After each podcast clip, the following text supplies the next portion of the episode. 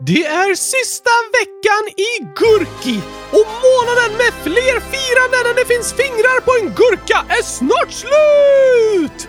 Fingrar på en gurka? En gurka har väl inga fingrar? Nej tack!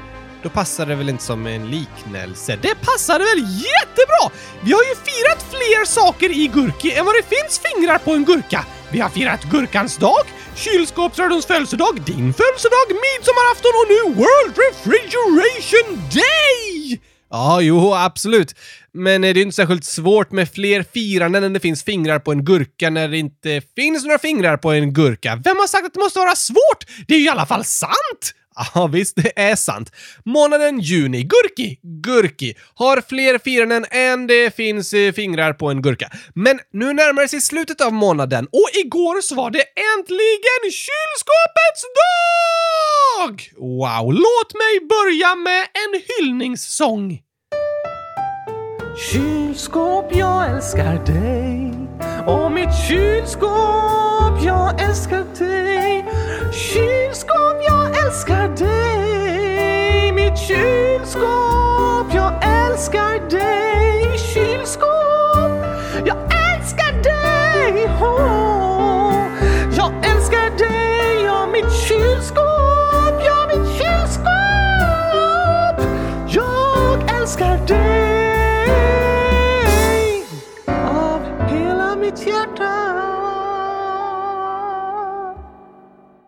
Fint, Oscar. Jag sjöng verkligen från hjärtat! Det kan jag tänka mig. En fantastisk start på avsnittet, men eh, nu tycker jag vi sätter på gurkagingen också och drar igång det här på riktigt. Okej, Okay.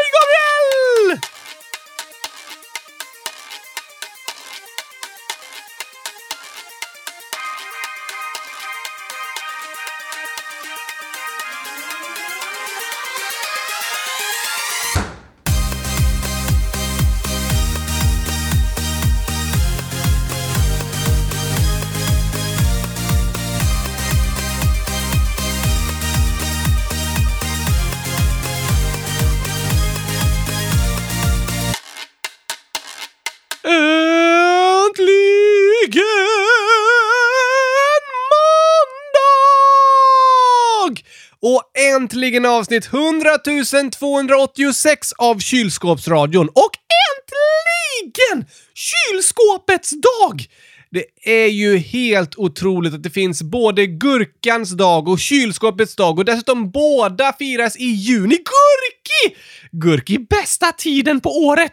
Ja, men eh, det kan man ju säga, fast det är ju inte exakt kylskåpets dag idag, eller alltså eh, igår. Vad menar du? Dagen heter World Refrigeration Day. Betyder inte det kylskåp? Nej, det betyder typ eh, nedkylningens dag. Som kylskåp! Absolut, men även andra nedkylningsuppfinningar firas, som aircondition och även uppvärmning i form av eh, värmepumpar. Va? Yes, firas den här dagen av alla som tycker kylskåp är vackrast i världen. Nej, just den åsikten är inte så vanlig. Här i podden är den vanlig! Ja, du säger det hela tiden. Men det är en dag som har grundats av presidenten av Kylinstitutet i Storbritannien. Är han kylskåpspresident? Eh, nästan. Det heter Institute of Refrigeration. President of Refrigeration! Det är mitt drömjobb, Gabriel! Kan jag tänka mig faktiskt. När jag blir stor ska jag bli gurkakung och kylskåpspresident. Det låter som helt påhittade saker faktiskt, Oscar, men de finns på riktigt! Helt otroligt. Gurkakungen finns inte längre dock eftersom Gurkaregionen inte är ett eget kungarike utan en del av Nepal idag. Men det finns fortfarande ett gurkapalats, så om jag bor där är jag gurkakung. Ja, det kan vi säga. Och kylskåpspresident blir jag på Institute of Refrigeration. Det hade verkligen passat dig, Oscar. Snacka om en cool kille! Du menar att eh, presidenten är kall? Ja tack! Men på det där kylinstitutet låter det inte som de har en särskilt varm gemenskap. Nej, det låter inte som. Men eh, det är intressant eh, det här med World Refrigeration Day. Såklart det är intressant! Och dessutom är det alldeles, alldeles underbart! Ja, du tycker det för att du älskar kylskåp, men i moderna samhällen har vi nästan börjat ta det här med nedkylning för givet och glömmer bort hur revolutionerande det är och hur mycket av våra liv som är beroende av att det finns nedkylningsmaskiner, a.k.a. kylskåp. Till exempel kylskåp.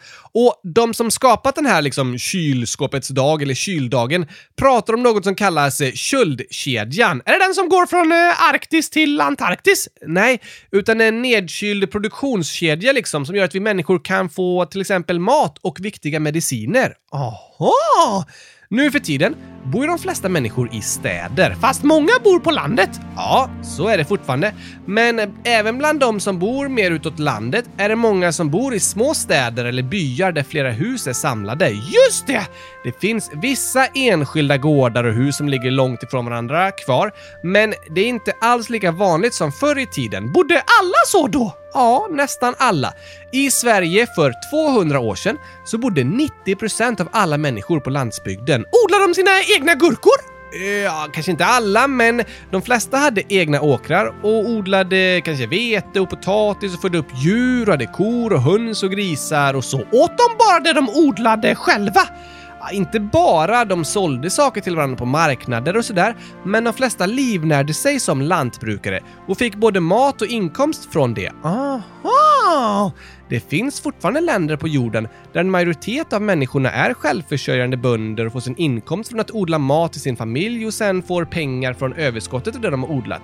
Så lever alla i den byn i Zambia där jag har bott till exempel. Där odlar de majs och äter majsgröt varje dag och sen om det blir bra skördar kan de sälja majs till andra också och tjäna pengar på det. Det är inte lika vanligt i Sverige! Nej, inte längre. Sverige har gått igenom en process som kallas urbanisering. Är det när fler får namnet Urban? Nej då, Oskar, det låter så. Jag förstår vad du menar. Men på latin betyder urbs stad. Okej? Okay. Och när man pratar om urbanisering så handlar det om att människor flyttar in till städer. Ah. Urbana områden är alltså städer där många människor bor på en liten yta. Motsatsen till landsbygden där det finns mycket plats. Precis.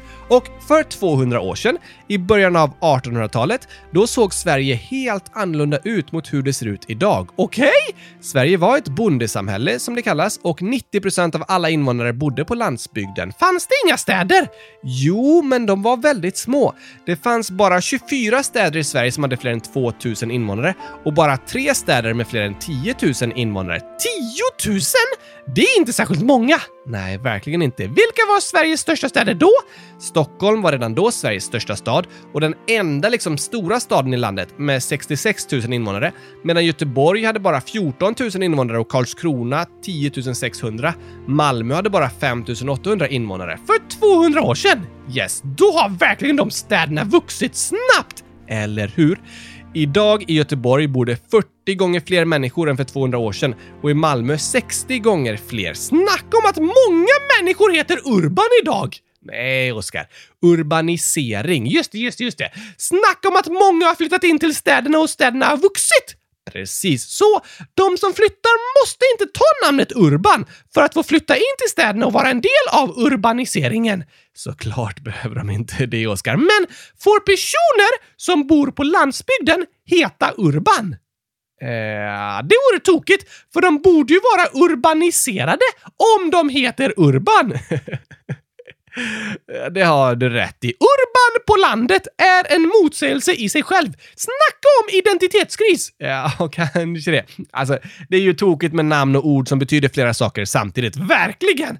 Men tillbaka till Sverige på 1800-talet, så var det alltså 90% av befolkningen som hjälpte till med att odla mat på olika sätt. Men sen så satte urbaniseringen fart. På mindre än 100 år ökade antalet människor i städer från 15% till 80%. What? Det är en otroligt stor förändring av hur samhället ser ut. På 1930-talet var det mitt emellan. Då var det 3 miljoner människor som bodde i städer i Sverige och 3 miljoner på landsbygden. Sedan dess har befolkningen ökat och flera fortsatt flytta till städer, så idag bor 85 procent av Sveriges befolkning i städer och bara 15 procent på landsbygden. Så som vi lever idag har vi alltså inte alltid levt. Nej, precis Oskar.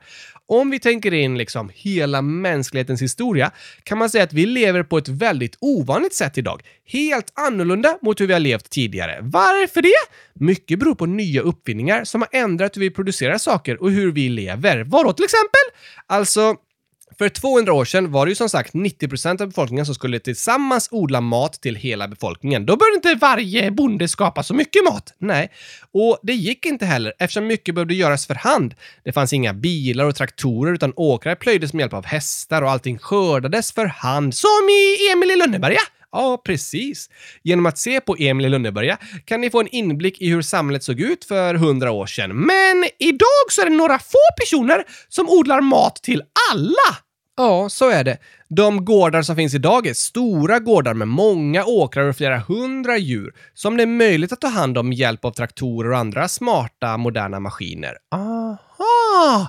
Det är en väldigt stor förändring mot tidigare. Och all mat som vi äter produceras inte heller i Sverige utan skickas över hela världen, vilket är möjligt tack vare båtar och flygplan. Och mitt i allt detta finns din favorituppfinning, Oskar. Kylskåpet! Precis! Utan kylskåp så hade vi inte kunnat leva så som vi gör idag.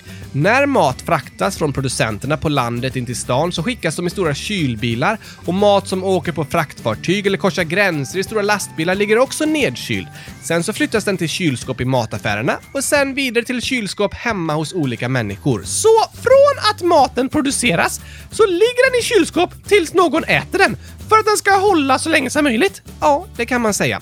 Vissa produkter klarar sig ju länge utan kyl, till exempel pasta, medan kött och mjölk och även grönsaker är nedkylda för att kunna fraktas. Så utan kylskåp hade vi inte överlevt!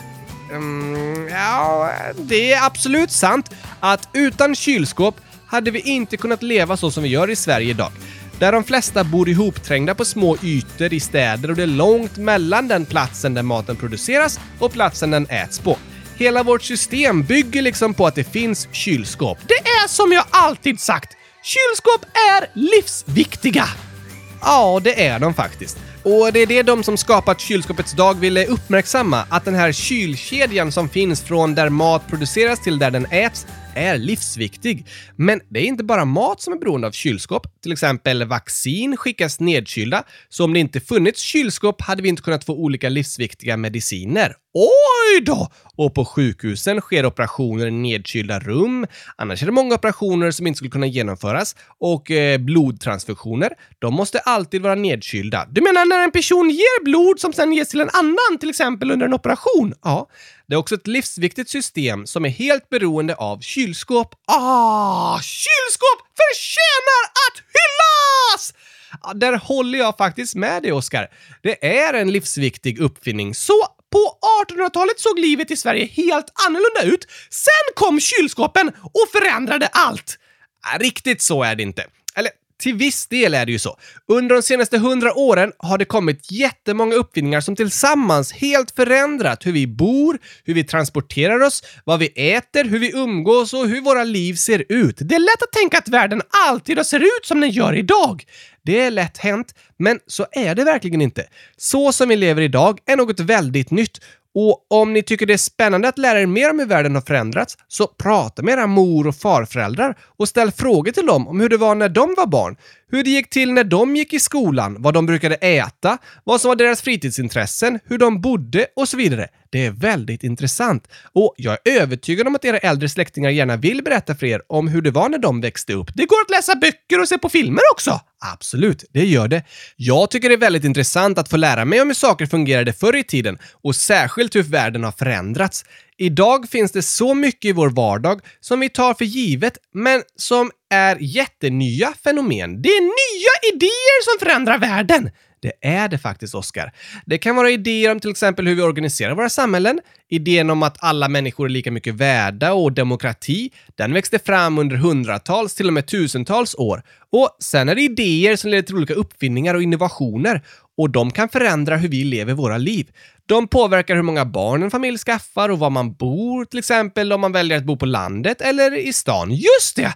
Och nu när vi firar kylskåpets dag och pratar om hur en uppfinning varit med och helt förändrat hur vi lever, tänker jag att vi skulle kunna ta en lista här med tio uppfinningar som har förändrat världen. Ooh, la la! Spännande ju!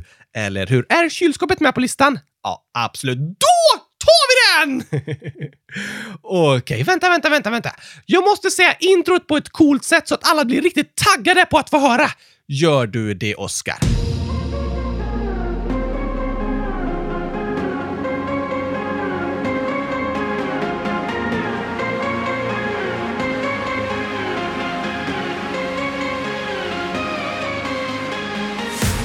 Låt oss presentera tio uppfinningar som har förändrat världen!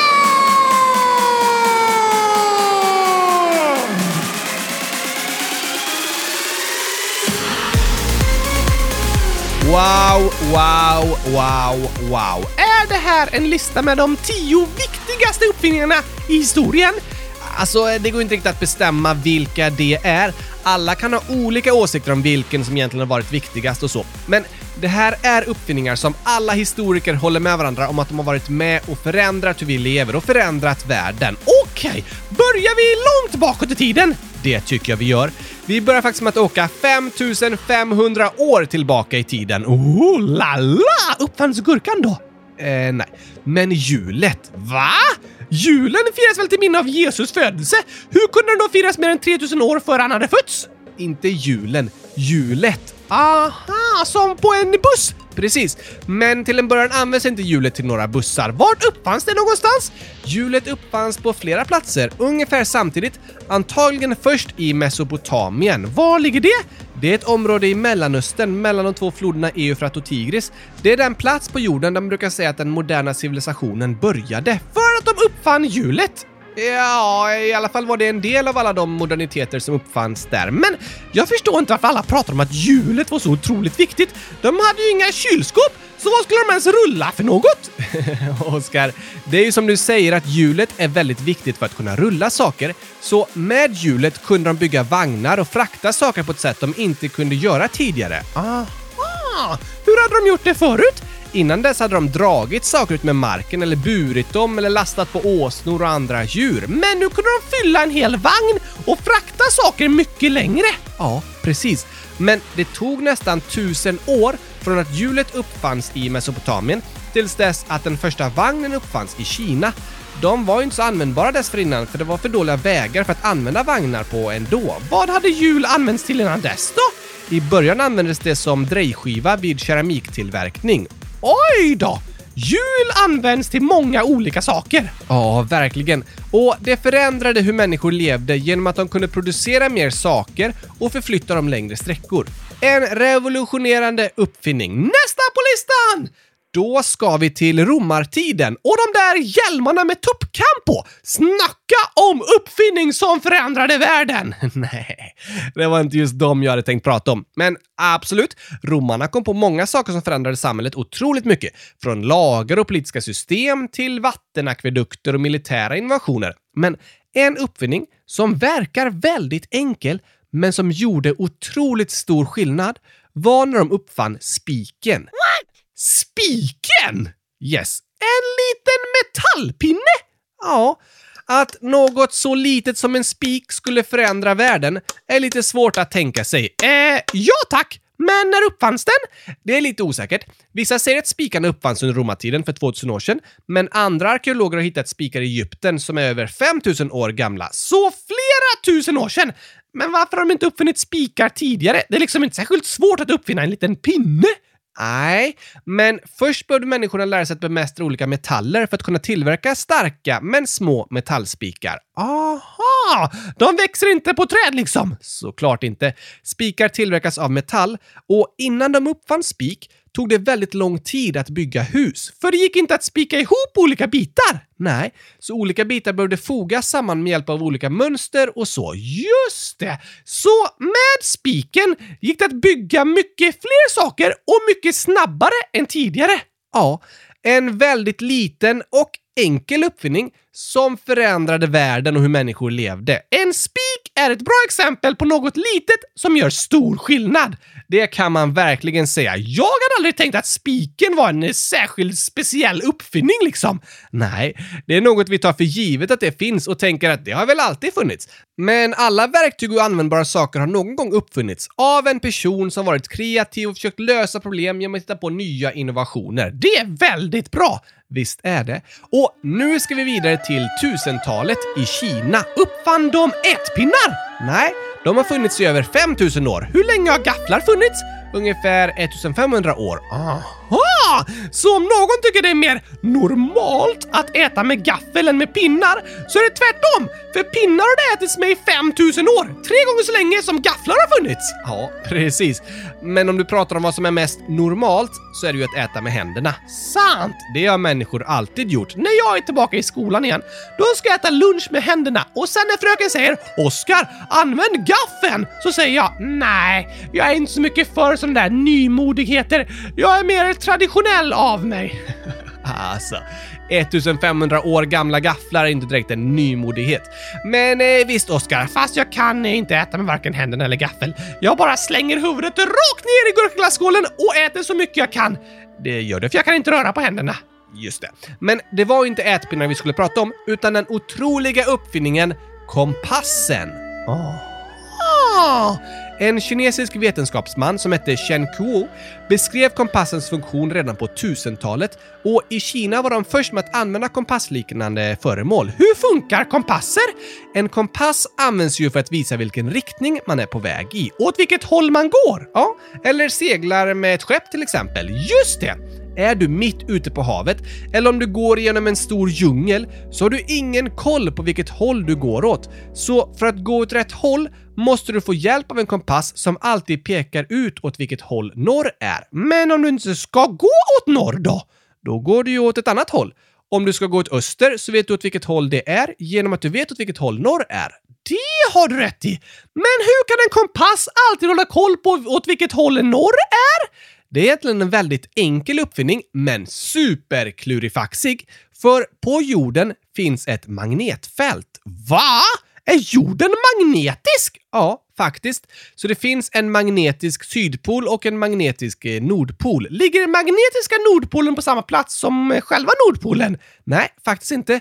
Nordpolen är ju den plats där jordaxeln skär igenom jordklotet. Från Nordpolen till Sydpolen! Precis. Det är som att det, det går en pinne igenom jorden från Nordpolen till Sydpolen och så snurrar jorden runt den pinnen. Men den magnetiska Nordpolen är inte på exakt samma plats, utan den flyttas faktiskt. Under de senaste hundra åren har den varit i norra Kanada och rört sig uppåt närmare och närmare den geografiska Nordpolen. Klurifaxigt! Ja, det är klurifaxigt. Men kompasser använder i alla fall jordens magnetfält för att ta reda på vilket håll som är åt norr med hjälp av en magnetisk kompassnål som liksom får snurra fritt. Så dras den mot norr! Ja, kompassnålen ställer sig i nord-sydlig riktning med hjälp av jordens magnetfält. Oj, oj, oj, oj, oj, oj, oj! Och uppfinnandet av kompassen innebar en revolution för utveckling av kartor och sjökort och upptäcktsresande och sjöfarare började våga sig längre och längre bort. För kompassen visade åt vilket håll de skulle åka! Precis. Utan kompassen var det lätt att bli vilsen, men med en kompass kunde de resa längre bort och mer exakt åt ett särskilt håll. Så jorden kunde utforskas!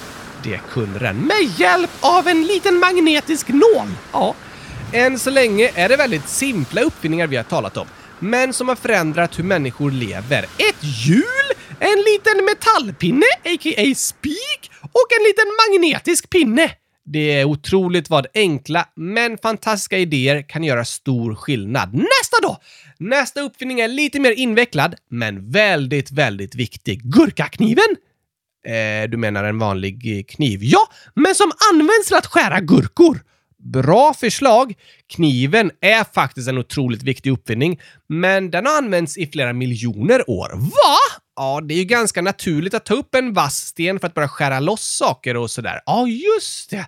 Men kniven kallas av vissa för den viktigaste uppfinningen i mänsklighetens historia, tillsammans med hjulet. Vilket bra förslag av mig, va? Bra tänkt, Oskar. Men jag tog faktiskt inte med den på min lista, utan ska nu gå in på lite modernare uppfinningar. Okej? Okay? Nu är vi framme vid 1440-talet och Johannes Gutenbergs uppfinning, tryckpressen.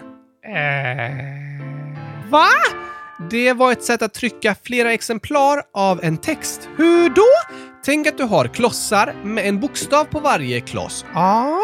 Och så lägger du dem i ordning så att de formar ord och meningar. Okej, okay, jag lägger klossarna J-A-G mellanslag E-L-S-K-A-R mellanslag G-U-R-K-A-G-L-A-S-S. Jag älskar gurkaglass. Ja tack! Vad fint att höra dig säga det, Gabriel.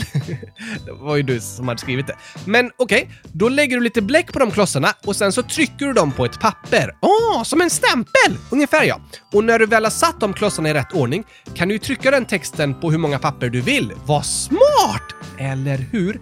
Så när tryckpressen var uppfunnen kunde böcker och tidningar och informationspapper tryckas i jättemånga exemplar genom att klossar lades i rätt ordning och trycktes på flera papper efter varandra. Precis. Hur hade böcker och texter tryckts tidigare? Innan hade allt behövt skrivas för hand. What? Om du hade en bok och ville ha ett till exemplar av den boken var någon tvungen att skriva av hela boken för hand Oj då! Så det tog lång tid och böcker var ovanliga och väldigt dyra. En bibel kunde ta tre år att skapa. Men Gutenberg började gjuta bokstäver i metall och mekaniserade boktryckningen, vilket gjorde att böcker och tidningar kunde börja se ut i stora upplagor och många fler människor fick tillgång till dem. Det gjorde att kunskap började spridas och det la grunden till den vetenskapliga revolutionen på 1500 och 1600-talet. Aha! Var det ingen som hade tryckt böcker tidigare? Jo, konsten att trycka kom från början från Kina. Vad smarta de var där! Ja, i Kina var de tidiga med många fantastiska uppfinningar. Men Gutenberg, som var en tysk uppfinnare, lyckades kombinera alla viktiga delar för att skapa en riktigt bra tryckpress. Det var viktigt med såväl själva pressen, bokstäverna, skriftspråket, pappret, bläcket och hur det sattes ihop till en bok. Just det! Och idag tar vi böcker och tidningar för givet och våra dagliga liv flödar över av tryckt information. Det är svårt att föreställa sig en tid före det fanns papper och tryckta ord överallt och hur svårt det var att dela med sig av information innan dess. Men eh, nu byts mycket ut mot digitala skärmar också. Absolut, och snart ska vi prata mer om det.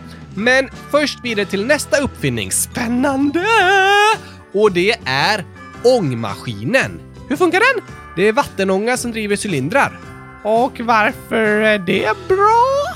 För med den maskinen så går det att skapa rörelse från till exempel kol. Aha! Så du eldar kol för att vattnet ska börja ånga och då så börjar maskinen röra sig? Precis, Oskar. Och det här som jag pratade om, att vi under 200 år har gått från att alla människor bodde på landet till att de flesta bor i städer. Hela den förändringen började med ångmaskinen, för den kunde ersätta människors hårda arbete och saker kunde drivas av maskiner istället. Okej! Okay.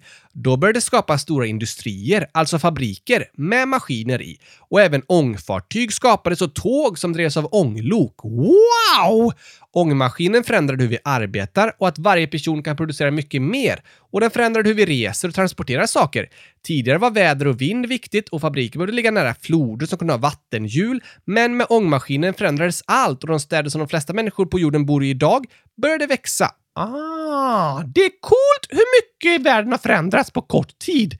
Det är väldigt häftigt. Och nu har vi berättat om eh, fem historiska uppfinningar. Snart kommer de andra, men först lite skämt! Okej. Okay.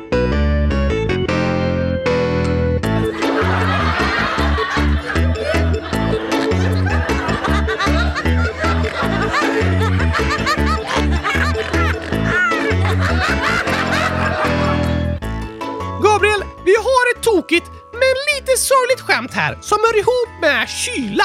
Okej, det är Vanten 100 000 år som har skrivit “Varför är isbiten alltid så ensam?” Oj. Hmm, eh, för att den ligger i ett litet glas? Vad menar du? Att det bara får plats en isbit i glaset? Ah, det är fel! Det får plats flera. Okej. Okay. För att de andra isbiltarna har smält. Isbiltarna? Isbitarna. Okej, okay, då fattar jag vad du menar. Nej tack, de kan klara sig. Har det något med kylskåp att göra? Inte direkt. Okej, okay. då har jag ingen aning, Oskar. Varför är isbiten så ensam? För att den är utfryst! Ah, oj, oj, oj, oj, oj! Stackars de utfrysta isbitarna! Ja, det är inte kul att bli ignorerad och utfryst. Nej tack! Men isbitarna är ju nedfrysta. Ah, så det betyder inte att de är mobbade liksom? Nej, det gör det inte. Som tur är. Skönt! Jag tyckte det var lite synd om de där isbitarna ett tag där. Det förstår jag. Men det är nog mer synd om isbitarna för att de smälter än för att de är frysta. Sant! Vanten skriver även PS. Ni är bäst! Och så massor av hjärtan. Åh, vad snällt sagt! Hundratusen tack för det! Och jag har faktiskt två kluringar till dig här. Kom an bara! Jag är klar som en nyduschad gurka! Okej. Jakob, 9 år. Hej! Jag fick nio rätt på tipspromenaden. Wow! Bra jobbat Jakob! Otroligt imponerande. Sen står det, jag har också några gåtor. Första gåtan är, hur länge sover en häst? Eh, hur ska jag kunna veta det? Det finns ett svar. Sover alla hästar alltid lika länge? Yes. What? Men tänk om de blir väckt tidigt? Sover fortfarande lika länge? Nej!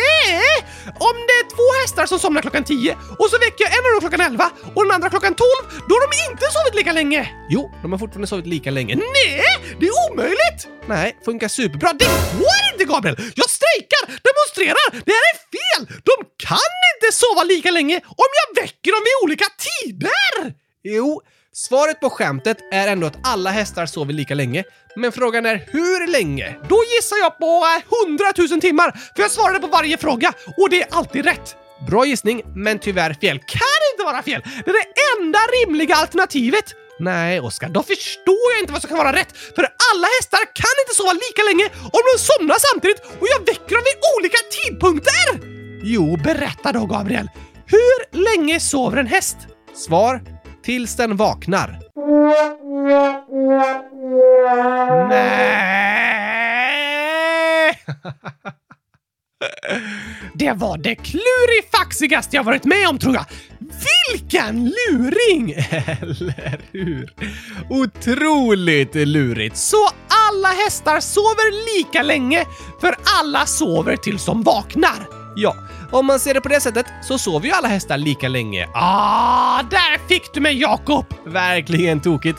Men här är den andra gåtan också från Jakob. Nu är jag lite nervös här. Den första var så klurifaxig! Jag förstår det. Men gåtan är, vilken mikro är fånigast? En eh, mikrovågsugn liksom. Kanske det. Undrar om det finns någon eh, tomatröd mikro? Det låter fånigt! Alltså, eller en mikro som används till att värma choklad! Otroligt fånigt och fruktansvärt! Ja, men eh, det här är en mikro som eh, du har. Va? Jag har ingen fånig mikro! Jag värmer bara gurkor i min mikro och det är inte fånigt alls! Okej, men du har flera såna här faktiskt. Flera stycken! Använder jag dem? Flera gånger i veckan. Nej, det kan jag inte tro. Jag skulle aldrig använda en fånig mikro. Jag använder bara gurkamikron. Ja, men den här mikron använder du ofta. Vad är det för fånig mikro? Vill du veta svaret? Ja, tack! Mikrofonen. Aha! Den här tokiga mikrofonen är verkligen en fånig mikro. Det låter det som. Men den går inte att värma gurkor i. Nej, såklart inte. Den funkar bara till att spela in oss när vi pratar. Men här är det nästan så varmt att det går att värma gurkor faktiskt. Ja, det är det. Nu har sommarvärmen verkligen kommit till Sverige också. Och Jakob avslutar förresten med att skriva PS. Er podd är bäst. Hundratusen tack! Vad snällt sagt! Verkligen snällt. Tack för det Jakob. Men du Gabriel, idag är det kylskåpets dag, eller igår var det, men vi firar det idag. Och vi firar den otroliga uppfinningen som spelar en så avgörande roll i våra moderna samhällen och som varit med och förändrat världen.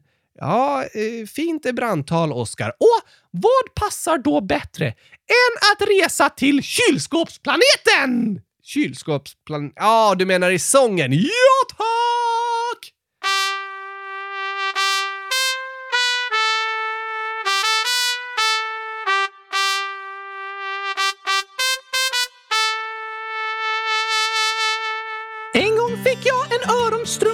Låtsas julklappspresent. Jag satte den på min ryggsäcksrumpa och sa massa vattniga skämt. Men sen fick jag en glasidé om hur man får en babianstruts att le. Så lyssna på mitt nya tystnadstjut.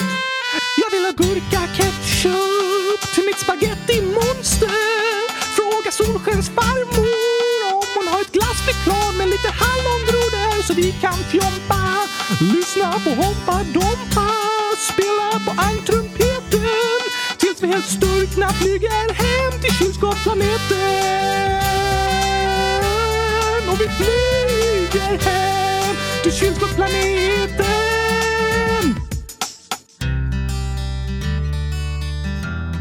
Ska du inte börja sjunga, Oscar? Nu? Ja, um, kompet kör en vers till. Ah, nej, nej, jag orkar inte. Vi kör tystnadstjutet. Tyst! En, två, tre, fyra, åtta, elva, femton, sjutton, tjugo, åttio, femtio, nitton. Hur långt ska du räkna egentligen, Oskar? Till hundratusen såklart! Innan tystnadstjutet kommer igen. Ja, tack. Det är så tråkigt att alla alltid bara orkar räkna till fyra.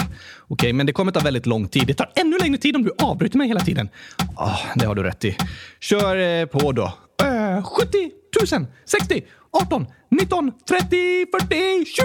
Jag har gått till alla husen. Nu jag kom till 100 000!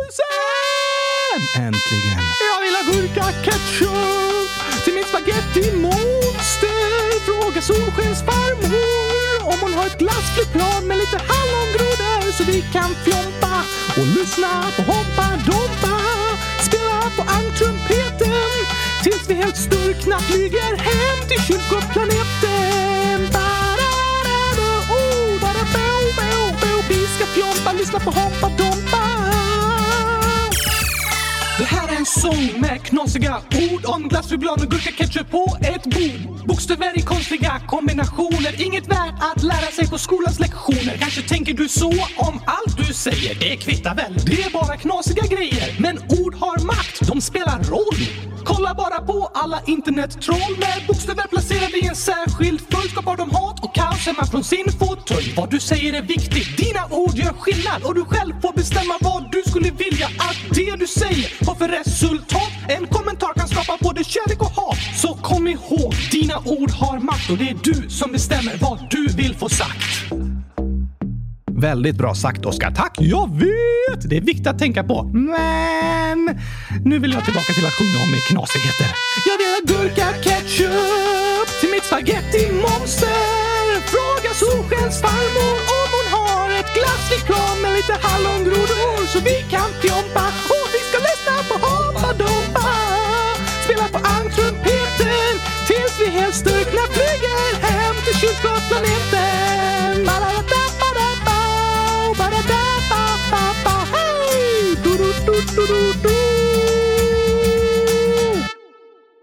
Skulle den bara sluta så? Nej, det var lite tråkigt slut. Vi- kör så här istället. Jag vill ha gurka ketchup!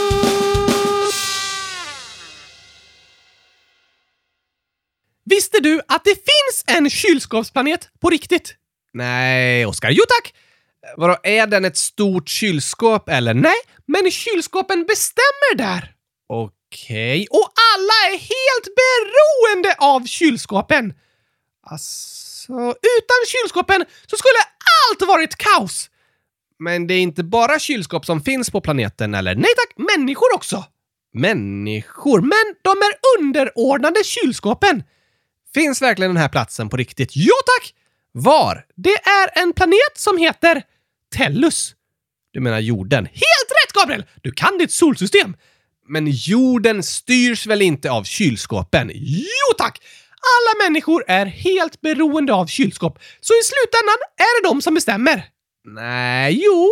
Tänk om alla kylskåp en dag säger nej, nu pallar vi inte längre. Vi lägger av. Vi slutar upp med det här kylandet. Då är alla människor helt körda. Okej, ja, jag fattar vad du menar. Men kylskåpen kommer inte säga så. Nej, för de är supersnälla och bryr sig verkligen om människors bästa. Ja, jag menar att de kommer inte säga så för att de är maskiner som inte har egna hjärnor och ett eget medvetande och så. Vilken förolämpning mot kylskåpen, Gabriel! Ja, fast det är ju sant. Fortfarande en förolämpning! Okej. Ja, men visst, vi människor är verkligen beroende av de fantastiska kylskåpen. Utan dem så hade våra moderna samhällen inte fungerat. Men det finns en stor del av världens befolkning som fortfarande inte är beroende av kylskåp. De hade klarat sig bättre om kylskåpen hade vägrat och börjat strejka. Ja, det hade de. Men det är ändå kylskåpen som bestämmer på jorden. Nej, i alla fall är det en bra teori. Håll med om det! Ja, Oskar. Den är bra. Du är inte helt ute och cyklar. Wow! Jag är inte helt ute och cyklar! Det är typ det finaste beröm jag någonsin har fått, Gabriel! Oj då. Men du, vi har inte hunnit fram till kylskåpet än, för i slutet av 1800-talet kom nästa uppfinning, som inte riktigt är en uppfinning, utan snarare hur man tar tillvara på någonting och hur man tar tillvara på det är själva uppfinningen. Nämligen elektricitet. Aha! Var det ingen uppfinning? Alltså, elektricitet finns i naturen. I blixtar till exempel. Just det.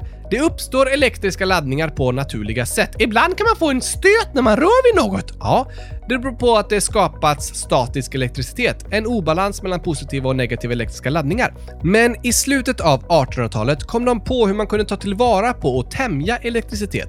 Och år 1879 visade Thomas Edison upp en fungerande glödlampa. Honom har vi pratat om! Ja, i avsnitt 100 070 Glödlampan var revolutionerande och elektricitet skulle komma att totalt förändra världen och hur vi lever. Under 1900-talet så elektrifierades många länder. Blev de helt beroende av el? Ja. Idag kan vi inte tänka oss ett liv utan elektricitet. Utan lampor, utan datorer, utan mobiltelefoner, utan spisar, utan kylskåp! Just det. Allt det är beroende av elektricitet. Det är svårt för oss idag att föreställa oss en värld utan elektricitet. Men det finns människor på många platser på jorden som inte har el i sina hus. Oj då! Det är väldigt annorlunda mot hur alla i Sverige lever. För här finns det tillgång till el var man än kommer. På bara 100 år har vi gått från att vara ett strömlöst samhälle till att vara totalt elberoende. Det är stor skillnad faktiskt. Det är det. Och vet du, det huset vår lägenhet ligger i i Barcelona, det byggdes på 1880-talet, så när det byggdes fanns det ingen elektricitet i huset. Så allt var mörkt? Ja, eller alltså de använde ju andra ljuskällor, men därför är idag alla elektriska ledningar dragna på utsidan av huset, utan på väggarna, inte inne i väggarna som ledningarna är i nybyggda hus. Så i samma hus bodde människor helt utan elektricitet i slutet av 1800-talet och nu kan vi inte tänka oss ett liv utan elektricitet. Visst är det lite häftigt? Så är det med många gamla hus. De har varit med om stora förändringar i hur människor lever. Och efter att elektriciteten var uppfunnen, då började flera nya slags uppfinningar ta plats och fortsätta ändra våra förutsättningar som människor. Är det nu det är dags, Gabriel? För den största av dem alla! Ja, det är det. Gurkan på tårtan! Pricken över A1! Det är inga prickar över A. Jo, då blir det Å som i Å! Vad underbara kylskåp är! Okej, Oskar.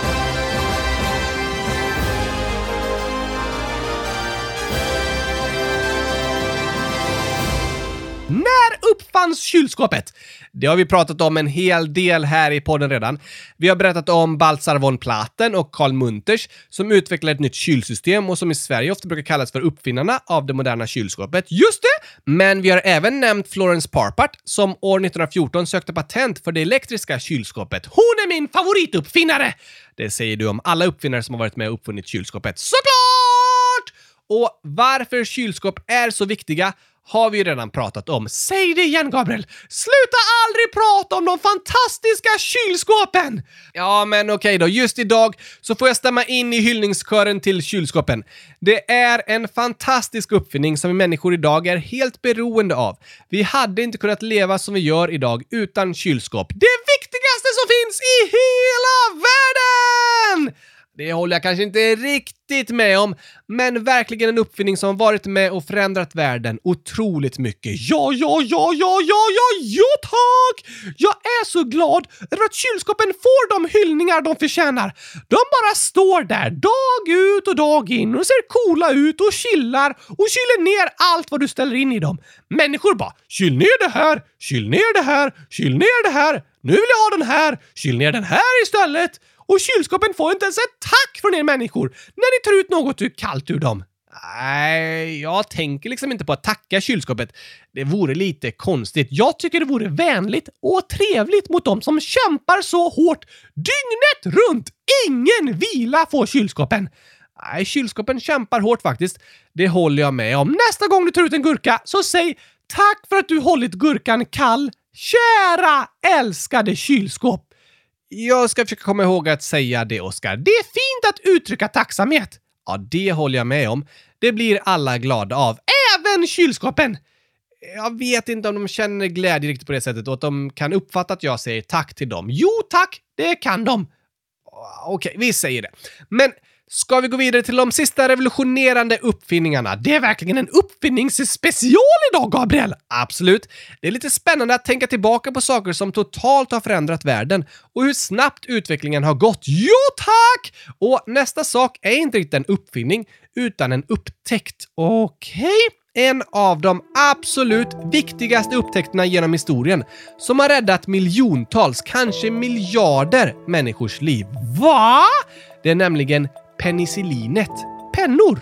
Nej, penicillin. Ett slags antibiotika, en bakteriedödande medicin. Är det bra för att behandla sjukdomar? Ja, livsavgörande. Och år 1928 upptäcktes det faktiskt av en slump. Va? Den skotska forskaren Alexander Fleming hade glömt en skål med bakterier på sitt bord och när han flera veckor senare hittade den så hade det vuxit mögelsvamp i den. Så han var slarvig? Eh, ja, kanske lite. Han hade inte städat i ordning burkarna som han skulle och då hade det börjat mögla i en av burkarna. Och det var då han gjorde sin upptäckt. Bakterierna som var närmast mögelsvampen hade dött. Så möglet dödade bakterier? Ja, och det var så Fleming upptäckte penicillin. En antibiotika som utvinns ur mögelsvamp. What? Låter lite äckligt. Ja, lite kanske. Men antibiotika är medicin som tar död på bakterier och varje år så räddar antibiotika miljontals människors liv. Penicillin är en slags antibiotika och före penicillinet upptäcktes var det många som dog i det som vi idag ser som ofarliga infektioner. Så det var en revolutionerande medicin! Verkligen. Den slumpmässiga upptäckten har räddat livet på miljontals, kanske miljarder människor. Dagens lärdom! Slarva med disken. Du vet aldrig vilken mögelsvamp du kan hitta som kommer rädda livet på miljontals människor.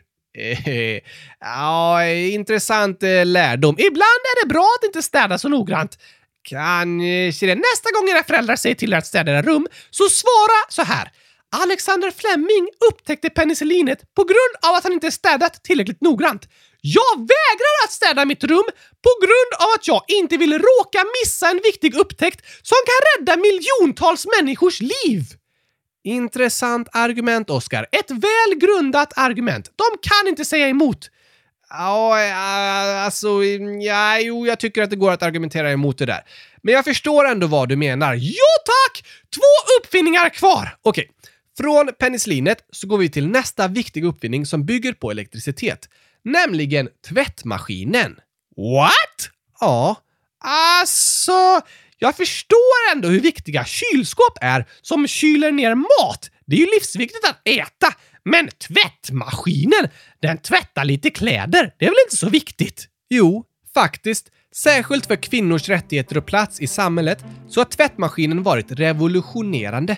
Vissa påstår till och med att tvättmaskinen förändrat världen ännu mer än internet. Nej! Det går ju inte att jämföra och komma fram till ett svar på det, men det säger lite om hur viktig uppfinning tvättmaskinen faktiskt är. Varför det? För att kläderna blir mycket renare? Det är väl inte så viktigt? Nej, inte därför Oskar. Utan traditionellt så var det kvinnorna i familjen som tog hand om många hushållssysslor och jättemycket tid gick åt till att tvätta kläder. Okej, okay. det behövde hämtas vatten, värmas och tvättas för hand. Det kunde vara ett helt dagsverke att tvätta kläder, men med tvättmaskinen så förändrades detta. Tvätten automatiserades och det var maskinen som gjorde jobbet istället för människan, vilket gav kvinnor mycket mer tid och därför mer möjligheter att börja studera och jobba. Aha! Tvättmaskinen har tillsammans med andra elektriska hushållsredskap förändrat hur människor lever och särskilt förändrat rollen för kvinnor i samhället. Vissa historiker kallar tvättmaskinen för en feministisk revolution och anser att utvecklingen av den elektriska tvättmaskinen, som slog igenom efter andra världskriget, var ett lika stort steg för jämställdhet som alla lagändringar som gjordes om lika rösträtt och annat. Oj då! Det är väldigt intressant faktiskt. För ofta fokuserar vi på stora förändringar, som lagändringar och nya statsministrar och sådär. Men i slutändan är det förändringar av hur vi lever våra liv varje dag som gör störst skillnad. Som tvättmaskinen som totalt förändrade kvinnors situation och gav dem helt nya möjligheter till studier och jobb. Okej, jag måste erkänna att tvättmaskinen faktiskt är en riktigt cool och fantastisk uppfinning om man ser till resultatet liksom. Det håller jag med om. Men den sista uppfinningen på listan då! Det är den uppfinning som till störst del förändrar världen just idag, nämligen internet. Aha! Idag bygger våra samhällen helt på internet och antagligen har världen aldrig förändrats så snabbt som under de senaste 15 åren. När uppfanns internet? Det gick i lite olika steg, men man brukar säga att det startade år 1983 och samma år togs det första e-postmeddelandet emot i Sverige.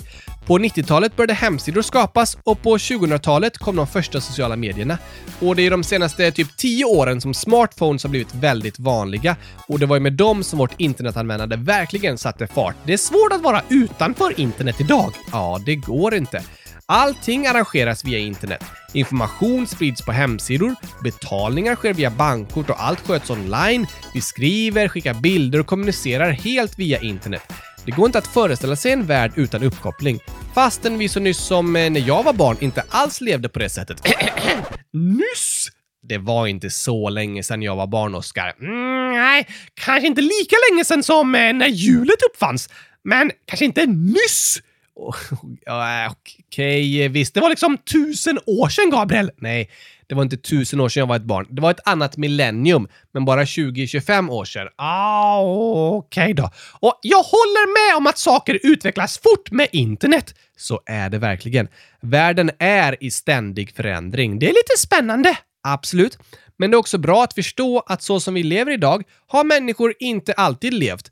Allting förändras superfort och därför handlar det om att vi uppmärksammar och ser till att saker förändras på sätt som människor mår bra av. Just det! Men har du lärt dig något särskilt från den här historielektionen, Oskar? Ja tack! Jag har lärt mig att det är viktigt att inte städa. Det är ingen lärdom. Jag tycker det! Ah, okej, okay, ja, det var inte riktigt den lärdomen jag hade önskat att du skulle ta med dig från dagens avsnitt. Men eh, något annat också? Eh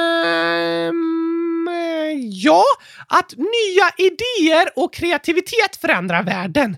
Det har du verkligen rätt i. Var kreativa och försök hitta på uppfinningsrika lösningar. Gör det! Nya idéer är viktiga. Det är liksom de som för utvecklingen framåt och idéer kan vi alla få. Särskilt ni som unga är extra duktiga på att tänka på nya sätt. Det är sant! Våga tänka nytt, uppfinn saker som löser problem och städa inte i onödan. Jag vet inte om lyssnarnas föräldrar blir särskilt glada över dina slutsatser i dagens avsnitt, Oscar. De är solklara! Jag har lyssnat noggrant och lärt mig det viktigaste. Städa inte. Okej. Okay. Det är det enda jag kommer komma ihåg från dagens avsnitt. Alltså... Um, ja, eh, det var ju inte så bra. Jag hoppas att ni lyssnare kommer komma ihåg något annat också. Ja, tack! Men ska vi rösta om vilken uppfinning som är den bästa? Uh, ja, visst. Jag tycker det är svårt att välja en. Du måste välja! Ja, så du får en röst och jag får hundratusen röster. Det låter inte rättvist. Vilken röstar du på, Gabriel? Oj, ehm, jag väljer... Eh, svårt ju. Det är ju fantastiska uppfinningar allihopa. Men en lite personlig favorit kanske? Då röstar jag på kompassen. Det är coolt det här med jordens magnetfält och jag gillar kartor och sådär. Det är häftigt hur människor började resa med kompassen. Ja, de, de, är, de är coola. Okej, okay, jag röstar på... Kylskåpet! Chockerande. Det betyder att kylskåpet har officiellt röstats fram till världshistoriens bästa uppfinning! Ja, det har röstat fram av dig. Av kylskåpsradion. Egentligen bara av dig. I alla fall så förtjänar kylskåpet alla hyllningar och vi är så glada över att det finns en särskild dag att hylla kylskåpet! Grattis till kylskåpet säger vi på kylskåpets dag. Tack! Säger du tack? Jag säger det å kylskåpets vägnar. Okej, men du, vi skulle kunna låta lyssnarna rösta också. Hur då? Om vi lägger ut den här omröstningen på vår hemsida. Oh, smart tänkt! Det kan vi göra nu eftersom internet finns! Absolut. Utan internet hade inte den här podden funnits. Hemska tanke! Men utan kylskåp hade inte heller den här podden funnits. Eh, nej, den har inte hetat Kylskåpsradion i, i, alla fall. Men gå gärna in på www.kylskåpsradion.se, vår hemsida! Yes! och rösta där på första sidan på den uppfinning du tycker är historiens viktigaste eller coolaste eller mest revolutionerande. Gör det! Omröstningen ligger ute eh, några veckor tror jag. Så får vi komma fram till ett beslut tillsammans om världshistoriens bästa uppfinning! Det låter ju verkligen som något spännande att rösta fram. Sen kan vi ha ett extra specialavsnitt om den. Ja, vi har ju förklarat alla uppfinningar lite nu. Det går att berätta mer. Absolut, eh, det gör det. Men gå in och rösta så får vi se vad vi gör med det sen. Det var ett väldigt spännande avsnitt idag i alla fall. Kul att du tycker det, Oskar. Det tycker jag också. Jag hoppas ni lyssnare också håller med. Och att ni kommer ihåg mer saker än bara det där om att ni inte ska städa. Jag har inte sagt att ni inte ska städa. Det var bara Oskars tolkning. En väldigt logisk tolkning. Nej, inte, inte riktigt. Men eh, ska vi ta några födelsedagshälsningar innan vi avslutar? Okej! Katten Floppa, sju kattor, skriver Hej! Imorgon på midsommarafton fyller jag åtta år. Jag längtar massor. Vill ni säga grattis? Skulle jag bli jätteglad. Såklart vill vi det! Grattis på åttaårsdagen katten Floppa! Stort grattis i efterskott till dig. Hoppas du hade en fantastisk dag och firade i ett stort kylskåp! Kanske det, eller på något annat sätt. Grattis säger vi till dig. Sen skriver Frank, snart nio år. Kan ni gratta mig den 24 juni? Då måste Frank ha fyllt eh, 900 000 år! Antagligen ja. Eller nio år. 900 000 tror jag! Kanske det. Stort, stort, stort, stort grattis på din födelsedag Frank! Hoppas du har en bästa testdag med världens största gurkaglasstårta! Det hoppas vi. Luke Boy Lukas, 9 år, skriver “Ni grattar inte mig, jag har fyllt 9 år”. Va? Har vi missat det, Gabriel? Det kanske vi har gjort. Det kan hända att det var så att det var två personer som kallade sig Lullu och att jag bara läste upp en för att det var samma dag de fyllde år. Nej, är det sant? Jag vet inte. Men i vilket fall ber jag jättemycket om ursäkt till dig Lukas och vi säger nu i efterskott 100 000 grattis till dig! 100 000 grattis på 900 000 årsdagen! Lukeboy snedstreck Lukas! Hoppas dagen var bäst i test och att du får ett helt fantastiskt år!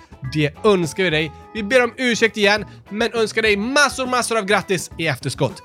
Sen skriver Agnes, 9, snart 10 år. Hej Gabriel och Oskar, jag fyller år den 29 juni. Undrar om ni kan gratta mig då? PS. Ni är bäst. Vad fint sagt! Vi tycker att du är bäst och önskar dig världens bästa födelsedag! Stort, stort, stort, stort grattis på 10-årsdagen Agnes! Hoppas du får äta gurkglass tills magen spricker! Det låter inte så skönt. Nej, men det låter gott! ja, eller så hoppas jag att du får äta något annat som du tycker är gott. Antagligen gurkaglass! Kanske det. Sen skriver Eskil, 7 år. Kan ni gratta mig på min födelsedag 8 den 29? Ja, tack! Såklart kan vi göra det! Gratis, gratis, gratis, gratis, gratis, gratis, gratis, gratis, gratis, gratis, gratis, 100 000 gratis Eskil! 100 000 grattis till dig! Hoppas du får en bäst i test födelsedag Men massor av kylskåpspresenter och inslagna gurkor i vackra paket! Kanske det är något annat som du kanske önskar dig mer.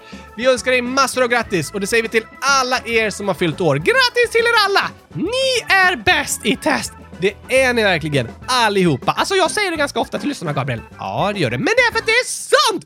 Du som lyssnar, du är verkligen bäst i test! Det håller jag verkligen med om. Vi säger det så ofta för att det är sant. Och vi hörs igen på torsdag! Alla älskade lyssnare! Ja, och då har vi äntligen tid för lite fler frågor. Det var länge sedan nu!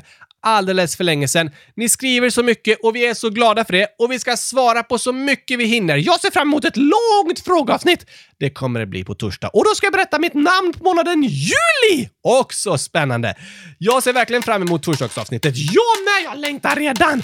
Vi hörs igen då. Ha det bäst tills dess. Tack och hej! Från ett kylskåp fullt med gurkapastej. Hej då!